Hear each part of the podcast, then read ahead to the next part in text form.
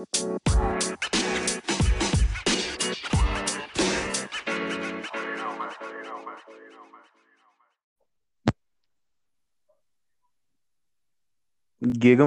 ikinci bölüm. Ee, herkes hoş geldi. Proların efendisi Emre, hoş geldin. Estağfurullah abi, hoş bulduk. Merhaba, nasılsın? E, sağ olasın, sen nasılsın? Nasıl gidiyor? İyi ya, geçen bölüm yaptıktan sonra birazcık insanlardan şey talebi de gelmiş abi böyle hani e, neler yaparsınız işte normal sosyal hayatta kendinizi tanıtın falan diye ben bir ufak girizgah yapayım ondan sonra futbola geçelim istersen. Tabii tabii ve e, Lig Radyo yorumcularından Sayın Hikmet Pınarbaş da bir merhaba diyelim kendisine. Evet. Abimin ünü her gün bu arada e, artık deniz aşırı falan olmaya başladı. Yani ben dolar abim kadar yükselmiyor diyebilirim bu konuda. Onu da Ve ekleyeyim. iflah olmaz bir Mehmet Ayı fanı olarak ben herkese merhabalar diyoruz. Yayınımızı açalım. Evet abi, Mehmet ben... konusunda herhalde senin asistanın olabilecek kadar fanlığımız mevcuttur. Mehmet abimiz bir tane. Başka bir adam ya. Yani o başka bir seviye baba. Konuşmayalım. Şey yapmayalım. Ya asıl asıl konulara girmeden bu sabah nasıldı abi? Hani biz tanıdığımız için anlıyoruz adamı da. Hani böyle şeyi çok hissettirmiyor mu insana böyle tanıyan insanlara? Yani Mehmet abi şu anda bu adam ne söylerse söylesin kesinlikle ikna olmayacak hissiyatını veriyor değil mi o ses tonunda? Tabii tabii. O adam yani zaten şeyden başlıyor iş. Yayını açtığı zaman telefonla bağlanan kişi direkt konuya girince birazları yiyor zaten. Adını soyadını söylemedi diye. Orada bir kıl kapmaya başladıysa yayın bitti zaten. o adam dayağı yiyecek o konuşmada. İsterse şey ölümsüzlüğün formülünü versin ya. O dayağı yemeden gidemez o adam yayın. Ama o fırçayı ben de yesem zoruma gitmez ya. Adam böyle o kadar tatlı fırçalıyor ki. Tabii. Şey değişir. Yiyen kişiye atan kişiye göre değişiyor. Benim arkadaş da şey dinliyor sabah. Emre Tilev dinliyor. Yolda işe giderken onu dinliyoruz abi. O da bambaşka bir e, nasıl diyeyim seviye açıkçası. O nerede? Radyo Gol'de mi çıkıyor? Abi olabilir ya. Tam emin, Radyo Gol'de çıkıyor. Birlikte. Arkasından da Tarkan Batgün çıkıyor. Kompansarita. Adını doğru söyleyemedim sanıyorum ama. Neyse Tarkan Batgün'ü doğru söyledik en azından. İşte radyo muhabbetinden ben biraz kendimizi tanıtmaya geçeyim. Volkan abi müsaade edersen. Tabii tabii buyur. O. Abi zaten biliyorsunuz az çok takip edenler falan genelde dinliyor. E, takip etmeyenler için de söyleyeyim. Emre Alvat, yaş 32 İstanbul'da yaşıyoruz. E, futboldan keyif alıyoruz herkes gibi. E, futbol seven herkes gibi futboldan keyif alan insanlarız. Genelde işin saha içi boyutuyla ilgilenen kendi çapında çok ufak da olsa eğitimlere katılmaya çalışan, kendini biraz daha futbolu öğrenmeye, geliştirmeye adayan bir insanım. E, bu yönüyle yaklaşıyorum futbola. E, ben buradan pası Hikmet abi atayım. Çok da fazla e, kendimde aşağı evliyim, bir çocuk babasıyım falan yani. Fazla da bir şey anlatılacak bir şey yok o konuda açıkçası.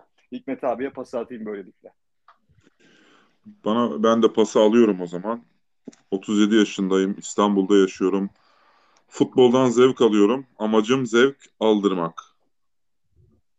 Çok Sanıyorum iddialı oldu. İddialı oldu. Evet. Zevk aldırmak falan. Neyse baba üstüne çok konuşmadan. Ee, Beşiktaş maçının yorumunu Emre'den bir dinleyelim. yani derine gitmeden. Hikmet abiden al, almıyorum pası. Çünkü yayın hayatımızın uzun sürmesini istiyorum Spotify'da. Ee, ben direkt futbola geçiyorum o zaman.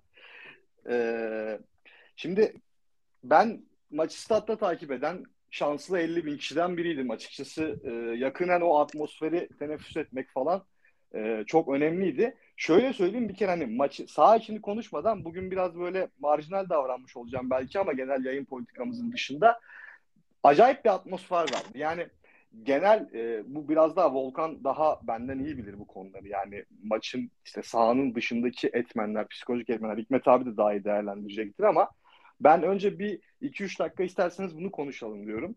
Ee, Beşiktaş yönetiminin e, olaya yaklaşımı, TFF'nin tamamen işte aradan çekilip işte bizi ilgilendirmez. Beşiktaş yönetimiyle a, anlaşırsanız e, bu minvalde işler devam eder demesi hukuksal anlamda en azından. E, farklı bir boyuta getirmiş. En azından seyirci açısından diye düşünüyordum maç başlayana kadar. E, maç başlayınca bunu sadece olayın sadece seyirci açısından olmadığını görmüş olduk. Futbolcular gerçekten Abi ben zaten Hı, lafını evet. kesin. Ben zaten Beşiktaş'ta olsam başta e, Ahmet Nur kızarım. İki senedir maçı bize o kazandırıyor abi. Net. Çıkıyor. Geçen sene yok alkışlayacaklar tabii. Ne yapacaklar alkışlamayacaklar. Gazı verdi.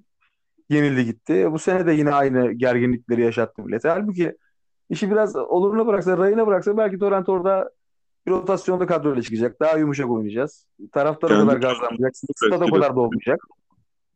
Şimdi araya giriyorum ama kendi camiasını da etkiledi. Yani Önder Hoca'nın çıkardığı kadroya bakarsanız kadro tamamıyla top kendisinde kalacak ve Galatasaray geriye çekilip bekleyecekmiş gibi bir kadroya göre takım çıkardı. Öyle, öyle ben Önder Hoca'da da şunu görüyorum. Yani ilk başlar, ilk ilk haftalar, ilk göreve geldiği haftalarda ben cidden seviyordum. Ya seviyordum derken e, heyecanlandırıyordu beni.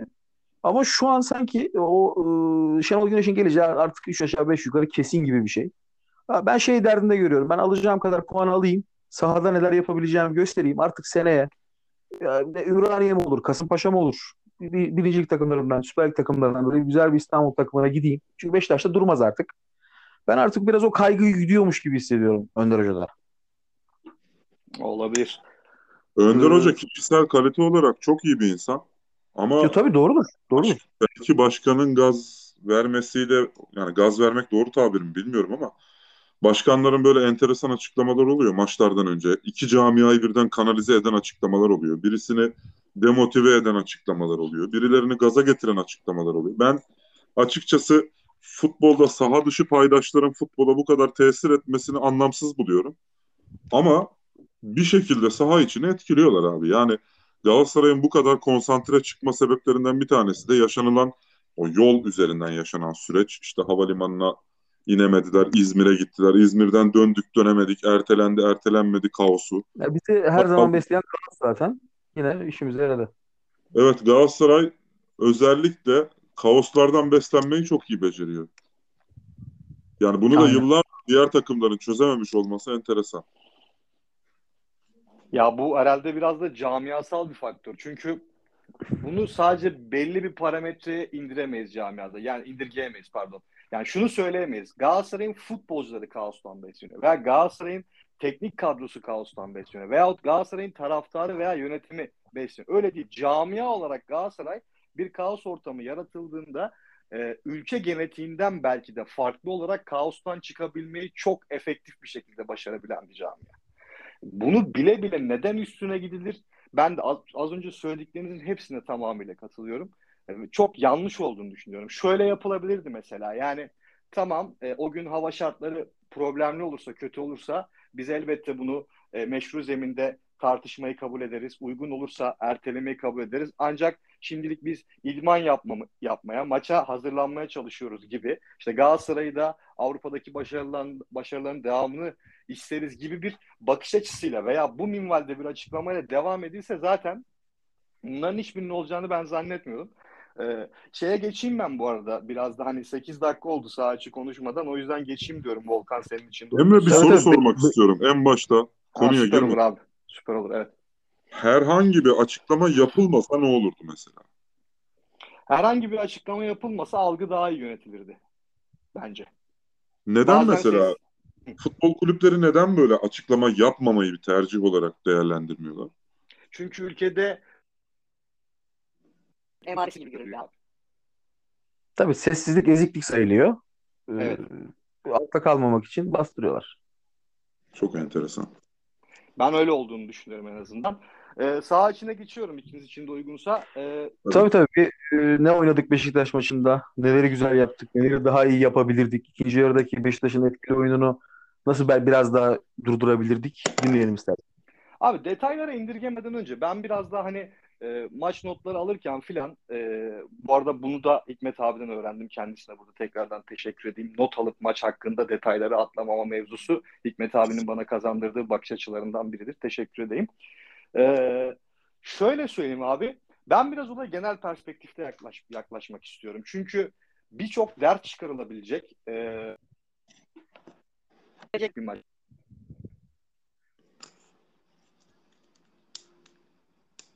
Evet.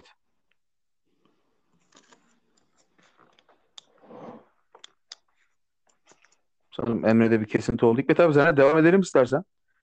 Abi Ee, şimdi Beşiktaş- benim benim de aldığım notlar var. Ben genellikle hani Barcelona rövanş maçına yönelik notlar almaya çalıştım özellikle. Fakat Galatasaray Beşiktaş maçından bazı konu başlıkları sunmamız gerekirse Şimdi maçları değerlendirirken içinde bulunulan skor durumuna göre değerlendirmek gerekiyor. Yani benim abilerimden aldığım eğitim bunu gösteriyor. Atıyorum 0-0 iken takım nasıl oynamış, 1-0 olduktan sonra nasıl oynamış, 2-0'dan sonra nasıl oynamış ki 2-0 hem ilk devrenin son kısmında hem ikinci devrenin Beşiktaş gol atana kadar olan sürecini kapsayan daha Sence uzun bir zaman. 2-0 doğru oynadık mı sence? Şimdi e, benim incelediğim kadarıyla Galatasaray birinci yarıda bugün birazcık istatistik veriler de geldi. Galatasaray birinci yarıda hem hücum yaparken hem savunma yaparken takım boyunu kaleden çok daha uzağa konuşlandırdı. Yani şöyle ki Galatasaray hücum yaparken en gerideki adamının kaleye uzaklığı 55 metre. Beşiktaş hücum yaparken en gerideki adamının kaleye uzaklığı 53,5 metre. Şimdi 1,5 metre buradan fark var. Savunma yaparken asıl mesele. Galatasaray Beşiktaş'ı kalesinden 49,5 metre uzakta karşılıyor. İlk yarıda. Beşiktaş ise 42,5 metre. Yani arada 7, 7 metrelik bir fark var. Ciddi bir, 7, met- ciddi bir fark. 7 metre deyip geçme. Kalenden 7 metre daha uzakta savunuyorsun ve rakip 7 metreyi daha aşması gerekiyor. Yani senin savunmandan sonra bir 7 metrelik daha fark var arada. İkinci yarıda e, Galatasaray yine hücum ederken daha uzakta savunmayı konuşlandırıyor. Hücum etme pozisyonundayken 53 metrede tutuyor savunmasını. Yani birinci yarıya göre biraz daha geride. Fakat 2 metre o çok önemli bir rakam değil. Beşiktaş ise 40,5 metre. Savunma pozisyonlarında olay değişiyor. Yani Galatasaray değişiklikleri yaptıktan sonra tamamıyla oyunun inisiyatifini Beşiktaş'a devrettiğinden sonra Beşiktaş savunmasını 50 metreye çıkartıyor. Yani bu ne demek? Beşiktaş 65 ya da 67'de yaptı sanıyorum değişiklikleri. Omar'la boy değişti. İşte Gomis girdi Mustafa Muhammed yerine. O değişiklikten sonra Beşiktaş'a tamamıyla topu ve oyunu devretti Galatasaray. Yani Şimdi- Rıdvan mesela in- inanılmaz bir baskı kurdu. Gir, girer girmez. Abi Rıdvan yine maçtan sonra çıkartılan resmi ısı haritalarına göre Beşiktaş'ın en önde konuşlanan adamı. Yani bütün atak aksiyonları içerisinde hepsinin ortalaması alınarak çıkartılan ısı haritalarında Rıdvan en öndeki oyuncu. Hatırlıyorsan ceza sahası içinden bir tane kafa şutu var, bir tane sağ ayakla vurduğu var. Ve zaten Evet, golü var. Oraya, oraya yerleşti yani. Çıkartamadık oradan. Tabii boyun da orada tabii şey var, etkisi var. Omar değişikliği olmasaydı tabii Omar'ın işte gözünde kanama oldu. Zaten ağır bir yıl geçirdi. Hani onlara bir şey diyemiyorum ama boy çok konsantrasyon problemiyle çıktı o maça. Sanıyorum 11'de çıktığında başka sonradan girdiğinde başka bir oyun oynuyor. Sasha Boy. Evet evet. Ee, Beşiktaş'ın genel planı maçtan önceki podcast'te konuştuğumuz gibi hani Gezzal'ın içe kat ettiği işte kanat oyuncularını mümkün oldukça ceza sahası çevresine ve yay civarına sokmaya çalışıp bek oyuncularıyla çizgiyi zorlayan bir oyun oynayacağını konuşmuştuk. Öyle düşünmüştük. Önder Hoca muhtemelen kendi takımını da şaşırtarak Kenan'la başladı. Ben Kenan'ı beklemiyordum. Ben Larin bekliyordum açıkçası. Kenan'la başladı ama orta sahada o kadar kırılgan bir üçlüsü vardı ki Galatasaray'ın Barcelona maçı testi diyebileceğimiz bir orta saha yapısı yoktu Beşiktaş'ta. O yüzden zaten bu kadar rahat oynadı, bu kadar savunmasını öne çıkardı, bu kadar dönen topların hepsini topladı. İlk yarıda çok ciddi bir dominasyon kurdu Galatasaray. 38. dakikada Önder Hoca değişiklik yaptı fakat orta sahaya gene müdahale etmedi. O da enteresandır. Yaptığı değişiklikte ön tarafı değiştirmeyi tercih etti. Şimdi bu iki açıdan dezavantaj oluşturdu. Bir, değişiklik hakkını kaybetmiş oldu. İki, sonradan oyuna soktuğunda ciddi katkı alması muhtemel iki tane adamı ilk 11'de başlatarak bunları da elemiş oldu. Ben ama orada takdir ettim yani oyuncu değişikliğini erken kullanmasını. Çünkü Türk teknik direktörler genelde e, yanlış yaptıklarını kabul etmiyorlar. Çünkü oyuncu değişikliği yapmak aslında o dakikalarda yapmak ben yanlış yaptım. Yanlış başladım. Düzelteceğim demektir. E, bu değişik şekilde devre arasına götürürler evet. Bütün hocalar öyle yapar genelde. Tabii götürürler yani kesinlikle kendine laf getirmemek için bunu yapıyorlar. Önder Hoca'yı orada takdir ettim. Joseph oyuna girdikten sonra daha farklı bir oyuna döndü iş. Ama o sırada da Galatasaray sanıyorum ki bu tamamıyla benim içgüdüsel hissiyatım. Galatasaray Barcelona maçını düşünerek hani topu rakibe vereyim ben. Alabildiğine oynasınlar. Benim birinci bölgeme girene kadar çok fazla müdahale etmem modunu açtı galiba. Çünkü hem oyunu verdi hem verdi. Ya fazla yormayayım kendimi, hırpalamayayım. Feguli zaten kendisi çıkmak istemiş. Bugün Reşit Ömer Kükner abi söyledi onu. Dedi ki kenara işaret yaptı dedi. Hani ağrı hissetti herhalde galiba dedi. Affedersiniz. Çünkü Feguli birden e, güçlü bir tempoya girmiş oldu aslında. Feguli'nin aslında bak bu çok fazla göz ardı edilen bir unsur. Feguli ikili mücadelelerde kaçan bir adam değil. Evet çok fazla girmiyordu ikili mücadeleye şimdiye kadar. Çünkü genelde topla kat eden kanat oyuncusu pozisyonunda oynadı en verimli dönemlerinde. Son iki sezon parça parça kesitler halinde merkez orta sahaya evrilmeye başladı. Şimdi bakıyorsun Beşiktaş maçında orta sahadan geriye doğru sprint atıp gelip omuz koyarak aldığı top var. Rakibin top almaması için pas kanallarını kapatma adına devamlı hareketli olan bir yapısı var. Yani arzu ediyor, istiyor da bir taraftan Feguli. Mübarek 3 ayların etkisiyle herhalde. Olabilir. O zaten onun meşhur yani söylemi. 3 aylar, üç, üç aylar topçusu olarak bildiğin Feguli. E, Nisan'da da Ramazan'ın girmesiyle performans patlaması yaşayacağız inşallah. Bakalım ben çok arzulu ve istekli görüyorum ve Barcelona maçında da onun direkt oynayacağını düşünüyorum. Hı hı. Ee, istiyorsan Beşiktaş maçını burada kapatalım. Ee, Emre ile birlikte Barcelona maçına da e, devam edelim ikinci bölümde. Tamamdır. Tamamdır. Görüşmek üzere.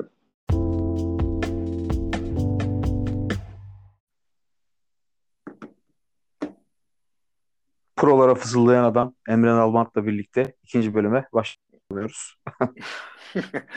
Abi merhaba tekrardan. Sesim iyi derecede kaliteli geliyor değil mi? Onu bir tabii tabii herhangi bir, problem, herhangi bir problem yok. Ee, ilk bölümde Hikmet abiyle Beşiktaş maçını değerlendirdik istiyorsan kısaca senden de bir Beşiktaş maçı yorumu alalım. Ardından Barcelona'ya e, artık geçiş yapmanın vaktidir. Aynen geçelim. Ee, benim Beşiktaş maçı hakkında söyleyeceğim. Hikmet abi genel hatlarıyla anlatmıştır zaten. Ee, ben az önce bir problem yaşadım. O yüzden koptum tam dinleyemedim ama e, ben biraz da ufak detaylar vereyim. Ondan sonra e, asıl önümüzdeki maç Barcelona maçına geçelim. Şimdi bakalım. Yani şöyle e, notlarıma tekrardan bakıyorum. Bence e, biraz genel hatlarıyla değerlendirmek gerekirse olayı bugün Avrupa'nın prime takımları nasıl oynuyor? İşte imrendiğimiz takımlar, Premier Lig takımları nasıl oynuyor? Neler yapıyor? Birazcık onlara bakmak lazım ve Galatasaray onlara yakın neler yapabiliyor en azından en alt seviyede onlara bakmak lazım. Türk Ligi'nin seviyesi belli. Çünkü benim Galatasaray'da en çok gördüğüm şey geçen yayında da söylemiştik. Galatasaray e, genelde hücum için kullanılır bu tabir ama kompakt bir şekilde savunma yapabiliyor. Ne demek bu? Yerleşim hatası yapmıyor. Mesela siz Taylan'ı çok fazla geriye koşarken hani arkasında top sarkıtı, sarkıtılmış bir şekilde geriye koşarken görmüyorsunuz. İşte önceden çok görürdünüz. Veya şunu görmüyorsunuz. E, Berkan'ın e, adamını kaçırıp faul yapmak zorunda kaldığını çok fazla görmüyorsunuz. Bunlar aslında en temelde yerleşimle alakalı. Takımın saha yerleşiminde ben biraz papatya gibi bir durum gördüm tabiri caizse.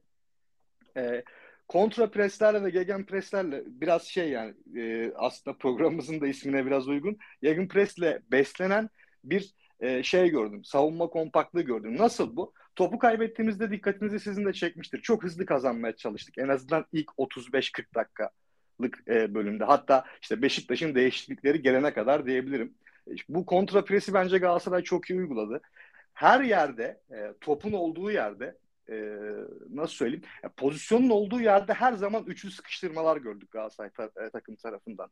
Üçgen yaptılar her zaman. Rakip rakibi ortalarını o üçgenin e, ortasına alıp sıkıştırıp orada yok etmeye amaçladılar ve bunda görece başarılı oldular.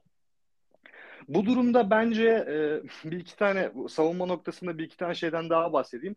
En önemli rol şeydi. E, Berkan'ın rolüydü. Ne, nasıl da iki kutu arasında e, bir oyuncudan bekleyeceğiniz şeyler e, bellidir. E, box to box oyuncu, çift yönlü oyuncudan bekleyeceğiniz şeyler bellidir. İşte işin hücum tarafında bazı şeyler beklersiniz. Savunma tarafında bazı şeyler beklersiniz. Ben önce savunma tarafından bahsedeyim. Berkan her zaman daraltıcı koşulları çok yaptı. Bence hani kariyerinin başından beri çok eleştirilen, eleştirilen bir oyuncu ama kariyerinin başından beri belki de e, bunu bu kadar iyi yaptığını ben görmemiştim. Alanya döneminde de görmemiştim. Pas kanallarını çok iyi kapattı. Bu açıdan baktığınız zaman Galatasaray savunmasını ve beklerini çok rahatlattı. Mesela Galatasaray bekleri e, iç bek kullanımı yaptı Torrent. Biraz daha orta sahaya yaklaştığında Berkan'ın o açıkları kapadığını gördük. Belki bu konuda biraz hani Berkan'ı övdüğüm için de tepki alabilirim ama ben bu maçta çok beğendim. Ee, iki şeyle iki şeyden daha bahsedeyim Berkan'la alakalı. Fatih Terim döneminde çokça eleştirilen bir durum vardı ve bundan e, Galatasaray e, kalesinde gol de görüyordu. Oyun kurulumunu hep 1 artı 2 şeklinde yapmaya çalışıyordu. İki stoper artı bir altı numara. Pasta çıkmaya çalışılıyordu. Bu noktada ya Berkan ya da Taylan hata yapıyordu. Çünkü yanlarına ikinci bir opsiyon yaklaşmıyordu. Biz de şunu söylüyorduk. Diyorduk ki bekleri bu kadar ileriye gönderip sadece bir merkez oyuncusunu stoperlere yaklaştırıp oyun kurulumu yapmak problemli bir durum. Bu problem size gelecekte bazı sorunları katlanarak getirecektir diyorduk. Bunları da zaten çok görmüştük. İşte yanılmıyorsam Kasımpaşa maçı, Rize maçı, Trabzon maçında Torrent'in de böyle bir mesela ufak tefek hatası olmuştu ama görüyor bunları muhtemelen Torrent'te. Bu maçta şunu gördük. Berkan Taylan topu alacağı zaman hep yakınına doğru gitti. Ve oyuncular birbirleriyle çok fazla etkileşim içindelerdi. Hep el kol hareketleriyle koşacakları yeri birbirlerine gösterdiler. Bunlar da bu açıdan önemliydi. Bir diğer durum da şeydi. Kerem'i çok fazla boş koşu atabilirken gördük. Fark ettiyseniz Kerem Aktürkoğlu'nun bu kadar deplesi olduğu, boş kaldığı fazla maç görmemişsinizdir. E, bunun da sebeplerinden biri yine Berkan'dı. Onu da şöyle açıklayayım. Berkan hani dedik ya iki kutu arasında gidip geliyor diye. Beşiktaş müdafaa oyuncularına çok fazla bozucu koşular attı dikine doğru. Bu şekilde koşular atması e, Kerem'in boşluklar yakalamasına sebebiyet verdi. Bu açıdan Berkan'ın öneminde böyle anlatmış olayım. Herhalde Berkan Berkan'ı benim kadar da öven olmamıştır. Berkan'ı şu an babası ve senin haricinde e, bu, bu sözlerle anan başka olmayabilir ama yok. Berkan'ın bu maçta benim dikkatimi çeken şu özelliği oldu. Ee, bunu 3-4 defa yaptı maç içinde. Oyunun yönünü birden değiştirdi. Mesela sağdan akan bir oyunda e, birden oyunu Kerem'e yıkabildi. Ve Kerem o bahsettiğin Kerem'deki boşluklardan çok güzel faydalandı zaten. Ee, yani oyunun yönünü değiştirme özelliğini çok beğendim bu maçta. Bu maça kadar da Berkan bunları yapmıyordu gerçekten. Ya bu biraz özgüvenle alakalı Volkan. Mesela Berkan'ın 10 metreden 15 metreden fazla pas attığını göremezdin bundan bir iki öncesine kadar. Çünkü üzerinde çok büyük bir baskı vardı. Hani yine pasör bir oyuncu demiyorum. Kesinlikle ana seçici falan da demiyorum merkezde ama bu maçta gördük. Sağ ayağıyla dahi attığını gördük uzun topları. Atmaya çalıştığını denediğini gördük. Bence bu açıdan bu önemliydi. Ee, bir diğer zaten herhalde az önce bahsettiniz mi bilmiyorum ama Mustafa Muhammed bence maçın Omar Berkan ve Mustafa Muhammed en iyileriydi. E, tabii stoperlerimizi hep ayrı bir yere koyuyorum ama e, onlarla alakalı da bir cümle kuracağım. Mustafa Muhammed herhalde Galatasaray'daki bilmiyorum Hikmet abiye de sorayım buradan. Daha iyi oynadığı bir maçı hatırlıyor mu? Bence bir Kadıköy'deki Fenerbahçe maçı ilk geldiği zaman. Bir de bu maç gerçekten çok etkiliydi. İlk gol, ikinci gol birbirinden farklı koşularla yaptığı ataklar. Mesela e, ilk golde Galatasaray topu soldan sağa getiriyor. Orada Omar Feguli paslaşıyorlar. Ondan sonra e, Mustafa Muhammed derine öyle bir koşu atıyor ki bekle stoper arasına bozuyor Beşiktaş'ı aslında. Orada araya giriyorlar ama tekrardan vazgeçmiyor. Topu bir şekilde Kerem'e tipliyor. Ondan sonra da e, Galatasaray ilk golü buluyor.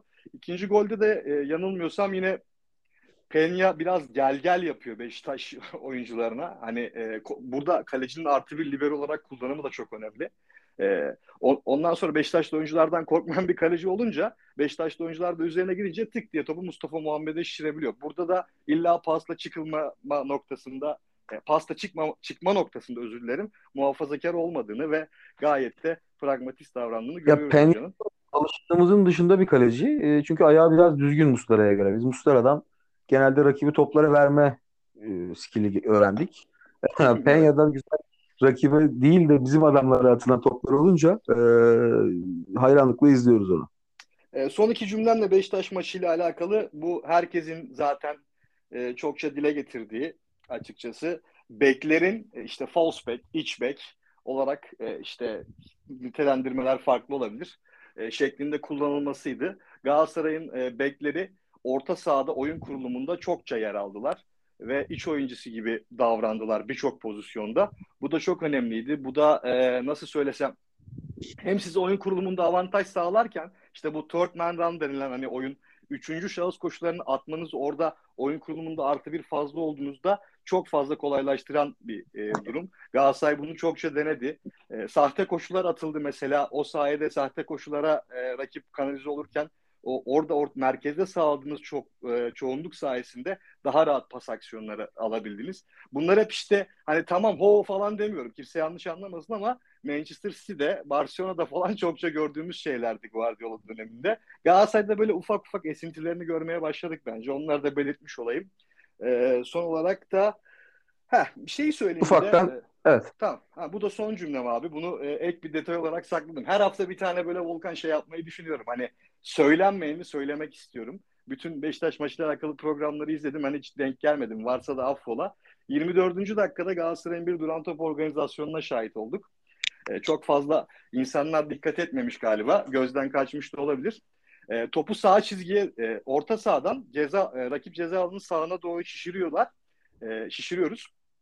O arada Markao arkaya inen topa doğru e, geriye doğru gelmek isteyen Beşiktaşlı oyuncuyu perdeliyor basketbol tabiriyle.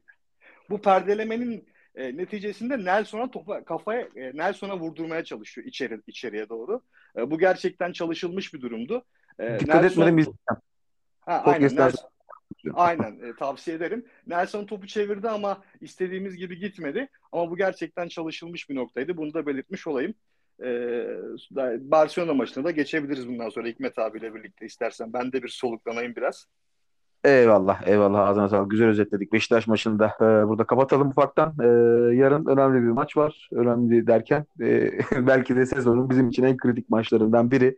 Türk futbolu için belki en kritik maçlarından biri.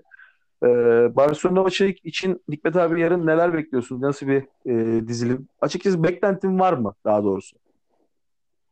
Ki sen nadir e, ilk maçta e, eleriz diyen adamlardan biriydin.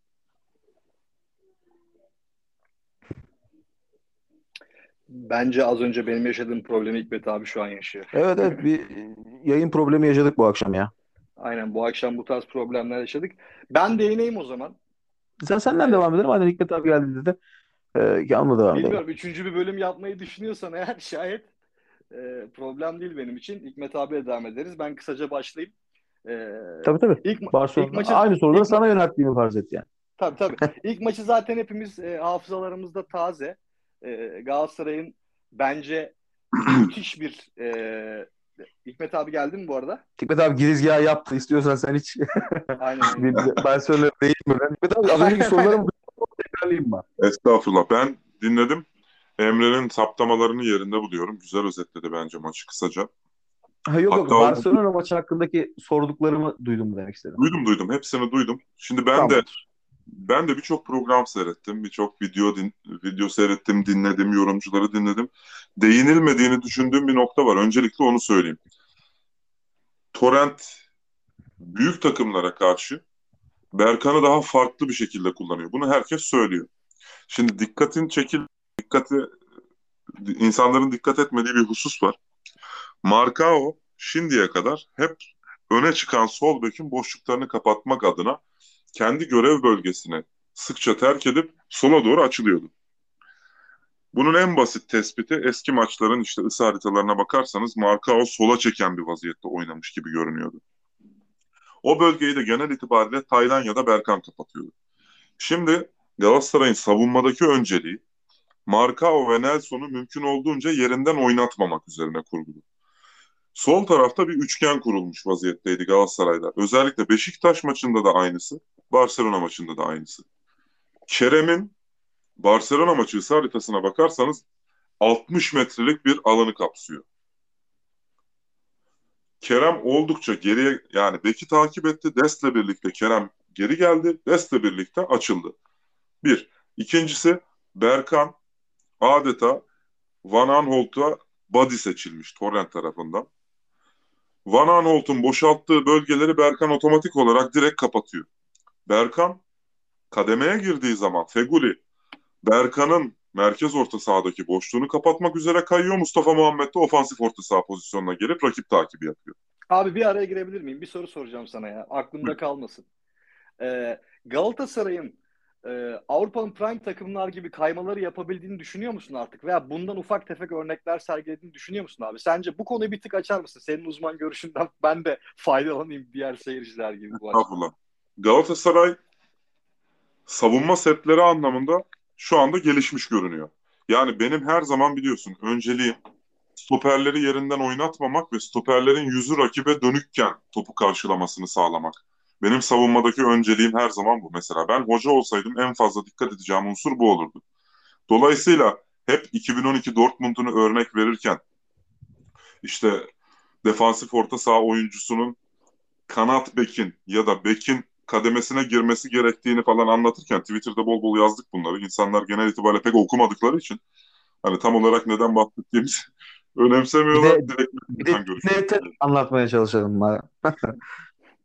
Şimdi, Aynen sesli anlatalım Hikmet abi.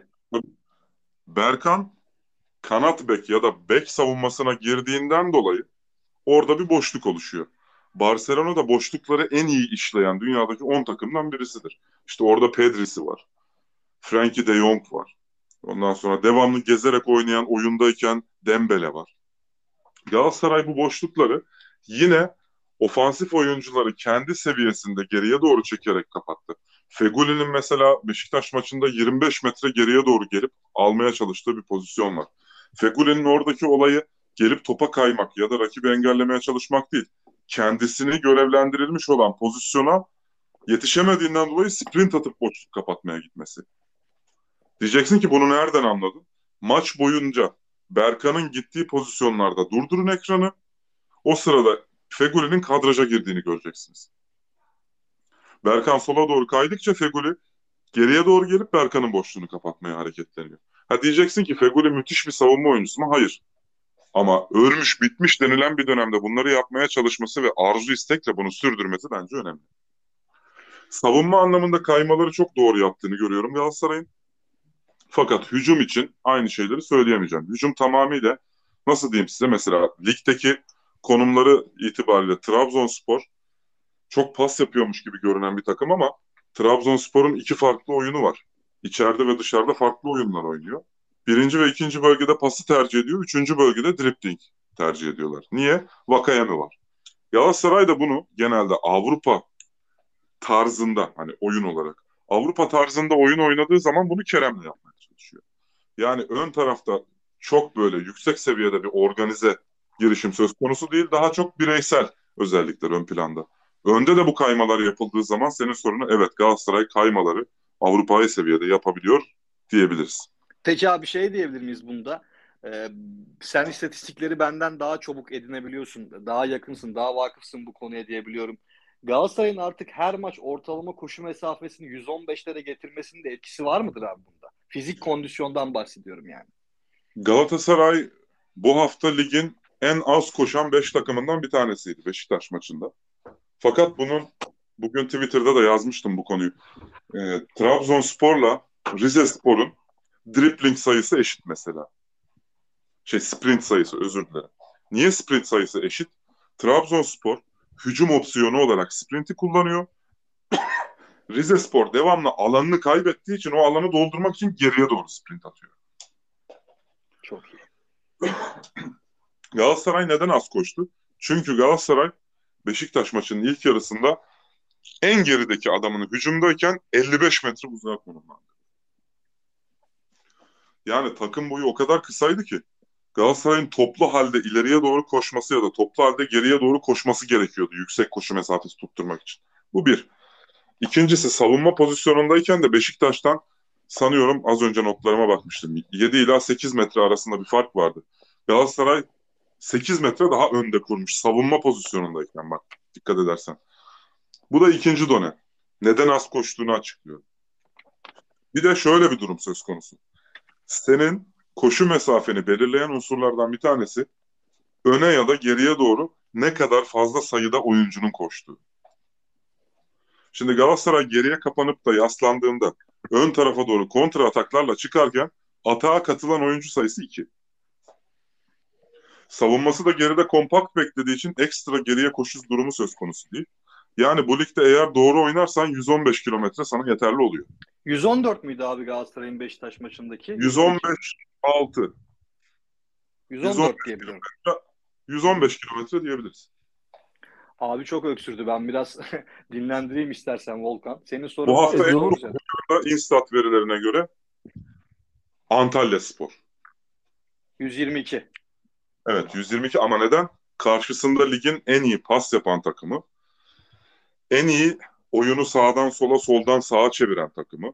Rakip seni koşturuyor. Üçüncü bölgesinde özellikle topla oynama konusunda hemen hemen Trabzonspor'la kafa kafaya giden takımlarından birisi vardı Başakşehir. Ve Antalya üçlü savunmayla oynuyor. Yani çift kanat bek var. Kanat beklerin biliyorsunuz mesafesi 70 metredir. Yani bir kanat bekin gidip gelmesi zaten 70 metre kat etmek demektir. Ya bir de Antalya Spor'un Antalya Spor hazır açılmışken ben de bir ekleme yapayım. Antalya Spor çok fazla geçiş hücumuna dayalı. Ligde bunu iki tane çok fazla e, deneyen takım var. Trabzon'unki çok daha kompakt. Onu ayrı bir yere koyuyorum ama Hatay Spor e, ve Antalya Spor bunu çok fazla yapıyor. Konya Spor gerektiğinde yapıyor. Trabzonspor da çok düzgün şekilde gerektiğini yapıyor ama Antalya ve Hatay sadece geçişe dayalı oynayabiliyor. Böyle e, böyle merkezin çok daha e, az önem arz ettiği, merkez savunması, merkez oyun az önem arz ettiği, daha çok hızlı gidip hızlı gelmeye dayalı oyunları oynuyor. Onu da arada belirtmiş olayım. E, Hatay konusuna ben de ekleme yapayım. Çok güzel Evet. bir tespit bence. Hatay ligin e, alt sıralarındaki takımları kadar topla oynayıp ligin üst sıralarındaki takımlar kadar sprint ve driblinge sahip olan enteresan takımlarından birisi. Abi süper yorum ya. Vallahi süper yorum. süper yorum. Çok iyiydi. E, Volkan senin sorun varsa ben ondan da mı devam edeyim yoksa kendim de Barcelona maçına girebilirim istersen. Ee, zaten Barcelona maçından şu an e, bahsetmek istiyorum biraz da. Ee, yarın bu maça dair beklentiler neler sende oluşan? Ee, nasıl bir oyun bekliyorsun ya da ne oynamamızı istersin yarın? Ee, bizi kazandıracak olan ya da tura atlatacak olan oyun planı sence ne yarın? Abi ben bugün biraz Torrent'i dinledim. Ee, açıkçası zaten o da durumun farkında. Dediğimiz gibi pragmatist bir adam. Çok fazla önde oynayamazsınız Barcelona'ya karşı diyor. Ee, hafta içi Barcelona'nın e, oynadığı maçı izledim ben bizim maçtan sonra. Sanırım Real e, hangi takımdı? Ya Osasuna ya Real Betis ama. Osasuna, Osasuna'ydı doğru. Aynen Osasuna olması lazım. Ee, Barcelona çok daha bizim maçta istediklerini yapabilen bir tarzda hareket etti. Bir en başta bilmemiz gereken şey şu. Bu takım 30-35 metrede oynuyor. Takım boyunu maksimum bu seviyede tutuyor. Hem Adama Traore hem Dembele'yi maçın 90 dakikasında kullanmıyorlar. Bu dikkatimi çekti. Herhalde bu biraz takım savunmasıyla alakalı bir durum. Benim en çok e, merak ettiğim konu ön hat önemli ama e, ben merkez e, tercihini merak ediyorum Xavi'nin. Çünkü tercihlere göre bir tık değişebilir oyunu. Tamam zaten işte e, hep takım boyunu kısaltıyor, e, önde basıyor, rakibi e, topu kaybeder kay bir nevi e, hani bir tabir var ya biraz şeydir ama amiyane tabirdir de fakir Pep Guardiola taktiği oynuyor. Yani sahte koşular aynı, üçüncü koşular, üçüncü şahıs koşuları aynı. E, ondan sonra defansın arkasına sarkma noktasında iç koridor kullanımı aynı. Çok fazla benzeyen faktör var. Hem yerleşim oyununu hem geçiş oyununu hızlı bir şekilde oynayabiliyor. Yerleşim oyununu hızlı bir şekilde oynamak ekstra bir faktördür. Geçiş zaten hızlı olmak zorundadır ama e, aslında bu biraz da karıştırılıyor. Bazı yerleşim oyunları var ki hızlı oynandığında geçiş zannediliyor. Aslında öyle değil. Net yerleşim oyunu oluyor. Barcelona bundan çok fazla yapıyor. E, ben şeyi çok merak ediyorum. Mesela hani Busquets, Gavi, Pedri mi çıkacak? Yoksa Busquets, Frankie de Jong, Gavi mi gibi mi çıkacak? Yani Gavi, Pedri, Frankie de Jong, Busquets dördünden hangisi dışarıda kalacak? Bu çok önemli çünkü e, Xavi şey demiş daha ya Aubameyang da olabilir bu arada karıştırıyor olabilirim ama daha hızlı oynayacağız demiş. Bir de basın toplantısını e, dinlediyseniz fark ettiyseniz şeydi yani adamın şaşırmış bir surat ifadesi vardı. Galatasaray'ın bu kadar iyi yerleşime dayalı savunma yapacağını beklemiyordu. Yarınki beklentim noktasına gelirsek iç saha avantajımız var. E, bunu sonuna kadar kullanırız. Zaten 50 bin kişi orada olacağız hep beraber. E, herhangi bir aksilik çıkmazsa ben de oradayım. E, İç umarım... saha avantaj mı acaba? Ha işte tam ona gelecektim ben de. Şöyle e, mesela Çikaldao, Emre Kılıç gibi, Berkan gibi adamlarla oynadığınız zaman bazen bu dezavantaja dönüyor. Bence Galatasaray'da günün kaybedenleri Çikaldao, Emre Kılıç gibi topçular. Gerçekten Galatasaray'a yakışmayacak futbol oynuyorlar. Beşiktaş başında bunu çok fazla gösterdiler bize. Ona çok fazla değinmeyeyim ama e, eğer mesela erken bir gol yiyebiliriz Barcelona'dan. Bu çok olası bir durum çünkü Avrupa'nın en kompakt oyun oynamaya çalışan takımlarından biri. Evet. Koman Barcelona'nın Hı, buyurun. Benim de kafamda şu var yani böyle gümbür gümbür maça başlayıp böyle gazlı taraftar falan 3. dakikada 1-0 geriye düşüp böyle bütün maç yani öyle bir kabus senaryosu var kafamda. Hayırlısı. Klasik Star TV Şampiyonlar Ligi maçları senaryosu diyorsun. Aynen öyle. Evet. Maçtan önce işte atmosfer, ma- marşlar, e, şeyler falan. Maç başlayınca 3. dakikada 1-0 gerideyiz. Ya? Barcelona Tayland zaten- girdiler. E, Bence Xavi'nin planı da bunun üzerinedir zaten. Yani o baskıyı, seyirci baskısını hissetmemek için erken bir gol bulmak isteyecektir. Çok baskılı başlayacaktır diye düşünüyorum. Kimse Xavi'den takımını ikinci bölgeye çekip böyle Galatasaray'ı beklediği daha bir merkez mücadelesine dönüşen bir oyun beklemesin. Gayet saldırgan çıkacaktır. Farkında zaten bence yani. Nasıl? Anlayamadım. Torrent onun farkında yani bence. İşte bugün söyledi yani. Dedi ki biz çok fazla yine öne çıkmayacağız Beşiktaş maçı kadar. Hani açıkça söylediği buydu. Ee, onun dışında ne ekleyebilirim? Dediğim gibi hem Gavi hem Pedri sahada olursa kutuya çok daha fazla 8 numara baskısı hissedeceğimizi düşünüyorum. Burada yine iç oyuncularımızın ve beklerimizin performansı çok büyük önem arz edecek. Çünkü stoperlerimiz zaten bize belli seviye bir performansı artık vaat ediyorlar. Ee, göz bebeklerimiz nazar değmesin. E, müthiş oynuyorlar zaten. Ee, Yürüyen o 50 açı- Yürüyen 50 milyon. İnşallah. İnşallah dediğin gibi olur ki ben Mark her zaman söylüyorum. Hikmet abiyle de çok konuşuyoruz. Markao'nun muadili çok fazla stoper olduğunu düşünmüyorum Avrupa'da. Abi Marka- böyle var. 25 milyon yazmanın formülü o sarı siyah formayı giydirmek şeydi. Barcelona, e, özür dilerim, Brezilya milli takım formasını giydirmek. Sarı mavi. Sarı mavi işte.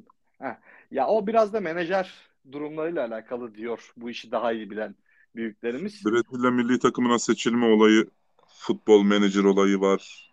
Olayın menajer boyutları var. Brezilya milli takımını oluştururken orada o havuza müdahil olan insanların orada konumları var. Çok karışık iş Brezilya milli takımına seçilmek. yok bu ta- Tafarel'i falan araya soksak olmuyor. Şey. Tafarel'i araya sokarsak Liverpool'a satabiliriz Markao'yu. O olabilir. Marka abi Yakışmaz Liverpool mı? diye tam Manchester City'nin stoperi ya. Liverpool değil de oyun olarak Ben yani. size bir soru sormak istiyorum. Artık programın da sonuna geliyoruz sandığım kadarıyla. Ben son abi son bir cümlemi söyleyeyim. Ondan sonra e, Tamam. bana müsaade ederseniz Emre çok teşekkür senle de kapanışı yapalım abi. Son bir senden Barcelona yorum alıp. Aynen.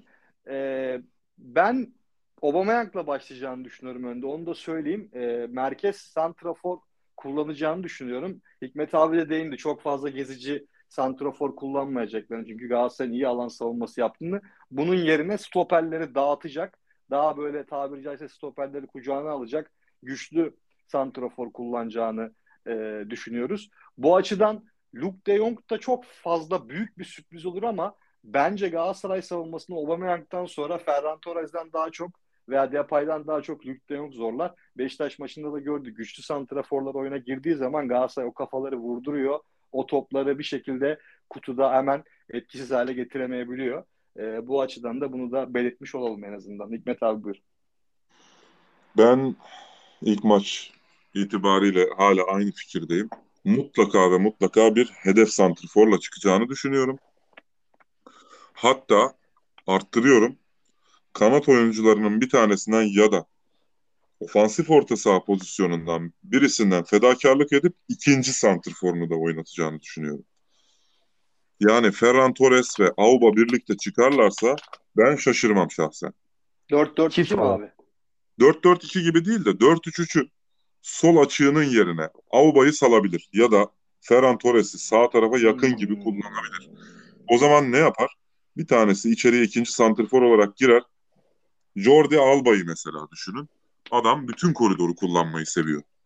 Yani bütün koridorun sorumluluğunu ona teslim edebilir. Hatta size bir set çizeyim.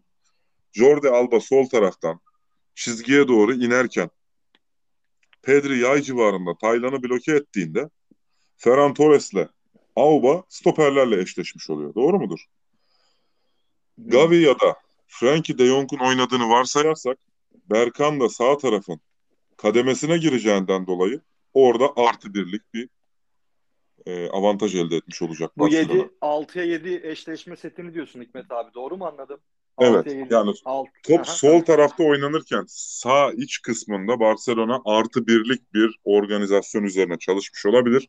Ve yarın muhtemelen maç bittikten sonra ben şöyle bir tweet atacağım. Dün podcast'ta bundan bahsetmiştik. İşte Barcelona oyunu sol taraftan atarız. Onu hallederiz ya. Ben Galatasaray'ın e, eleyebileceğini düşünmüyorum. Net bir şekilde. Galatasaray 60-65'e kadar oyunu tutup o 60 dakikalık zaman dilimi içerisinde iki tane kontra atak bulursa bunu değerlendirmeye çalışmalı. Yalnız çok Ben tehlikeli laf ettin. Tam jeneriklik laf ettin.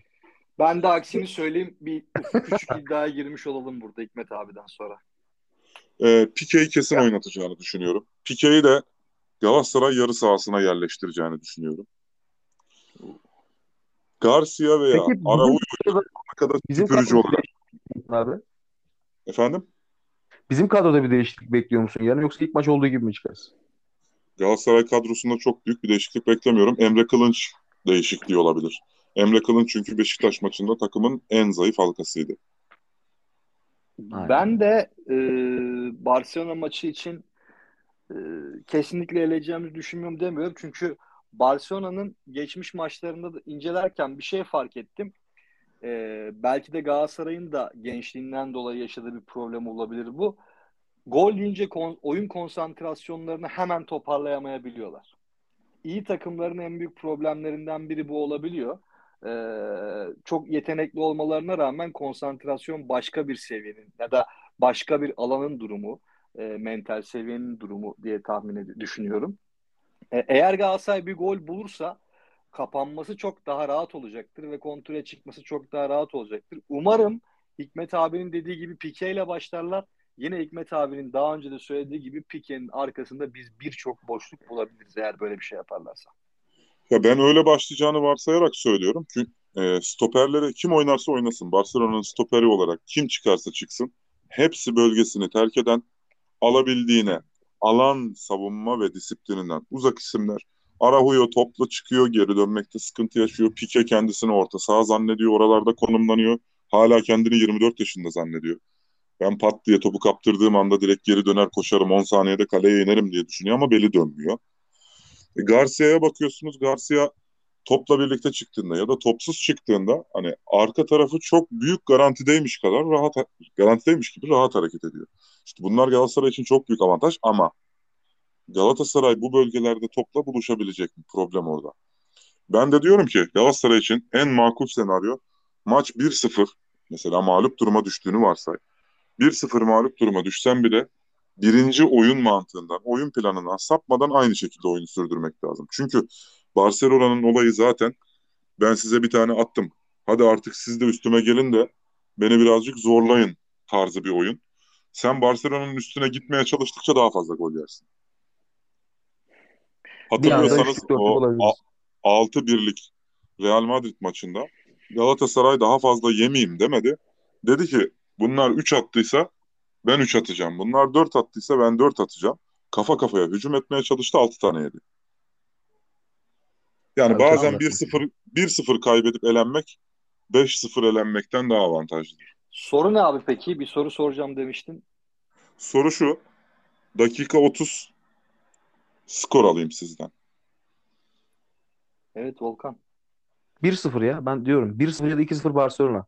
Çünkü ben çok eminim ya. Böyle içime mi doğuyor ne oluyor? Üçüncü, üçüncü ya da beşinci dakikada biz gol yiyeceğiz abi.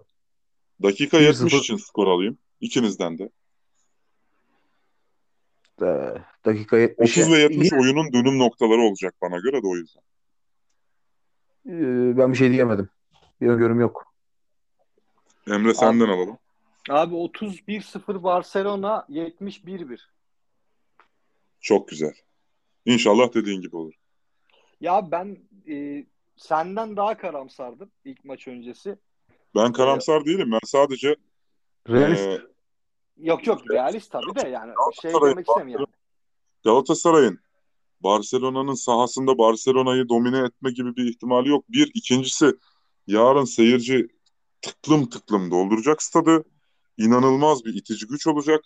İster istemez Galatasaraylı futbolcular ben bu Barcelona'yı tokatlamam lazım hissiyatına kapılıp oyun disiplininden kopma e, ihtimali taşıyorlar. E, tabii şimdi e, futbolcu gözünden baktığımız zaman da Barcelona deplasmanında herkes seni yenilir diye gitmişsin. O gözle bakılarak gitmişsin. E, çok güzel bir skorla geri dönmüşsün. Gelmişsin evinde Beşiktaş'ı çok güzel bir futbolla yenmişsin. Şu an beklenti senden çok fazla stat full. E, o genç futbolcuların biraz da e, hali ruhiyetini düşünmek lazım. Gerçekten de çok gazlı çıkacaklar maça. Seyircinin de ile. Futbolcu Evet. üzerinde de son bir ekleme yapayım. Ee, kusura bakmayın lafınızı kestim ama Kerem'in her pozisyonda e, Halil'e bakmayan haliyle Mustafa Muhammed'in her pozisyonda kaleye vurmayı denemeyen hali gerçekten Galatasaray hücum hattı için çok tatlı oluyor. Çok güzel oluyor. Ee, bir de bunlara ek olarak biraz daha doğru şutu atmayı öğrenirlerse, biraz daha bu noktada e, idman yaparlarsa ki yapıyorlardır zaten. Mesela Kerem'in her sağa çektiği topu açık köşeye değil de kalecinin ters ayakta yakalanabileceği kapalı köşeye vurmayı denemesi gibi. Mesela Mustafa Muhammed'in her kutuya girdiğinde topa abanması değil de daha böyle e, klas bir şekilde ayak içi veya ayak dışı vuruşları yapmayı denemesi çok daha faydalı olacaktır diye düşünüyorum. Böyle ufak bir e, parametre de ben vermiş olayım. Teşekkür ederim. Evet. Ben Peki, de o zaman ben- son bir cümle ekleyeyim ve kapatalım. Sana şunu sorayım Fikret abi. Senin ne beklentin o 70, 30 ve 70'te? 30-0-0, 70-1-0 Barcelona. Hadi bakalım. İnşallah böyle olmaz. Ben son cümleyi kapatayım. Ee, Emre'nin söylediklerine katılıyorum. Üstüne de şunu ekliyorum. Umarım Mustafa Muhammed sağdan ya da soldan gelen ortalarda jeneriklik gol atmak adına illa direkt dibine vurmak zorunda hissetmez kendisini. Çok doğru. Yolunda işte demin konuştuğumuz taraftarın etkisiyle dediğini yapabilir maalesef abi. İnşallah tersi olur. Çünkü hep onu deniyor. En güzel golü ben atmalıyım. Muhteşem olmalı. Kalecinin uzanamayacağı yere gitmeli derken out'a gidiyor. Beşiktaş maçında yaptığı gibi. Aynen öyle. Peki. Peki. Ee, kapanışı yapalım o halde. Teşekkür ediyoruz e, dinleyen herkese. Son diyeceğiniz bir şey yoksa arkadaşlar. Herkese teşekkür ederim bize sabrettikleri için. Ben de şimdiden herkese çok teşekkür ederim sabrettikleri için. Umarım Son bir gelecekte- uyarı. Son bir uyarı. Yarın Hacı ve Popescu da geliyormuş maçı izlemeye. Ee, hakkımızda hayırlısı olsun diyorum. Umarım İkisi de hem Bar- Hem Galatasaray'da oynamış isimler. Umarım ön- önce bir Eyüp Sultan'a götürür. Oradan stada getirirler diyeyim ben de. Öyle kapatmış olalım. Haydi bakalım. Herkese e, sağlıklı günler diliyorum. Teşekkürler. İyi akşamlar. İyi seyirler. İyi akşamlar, iyi seyirler.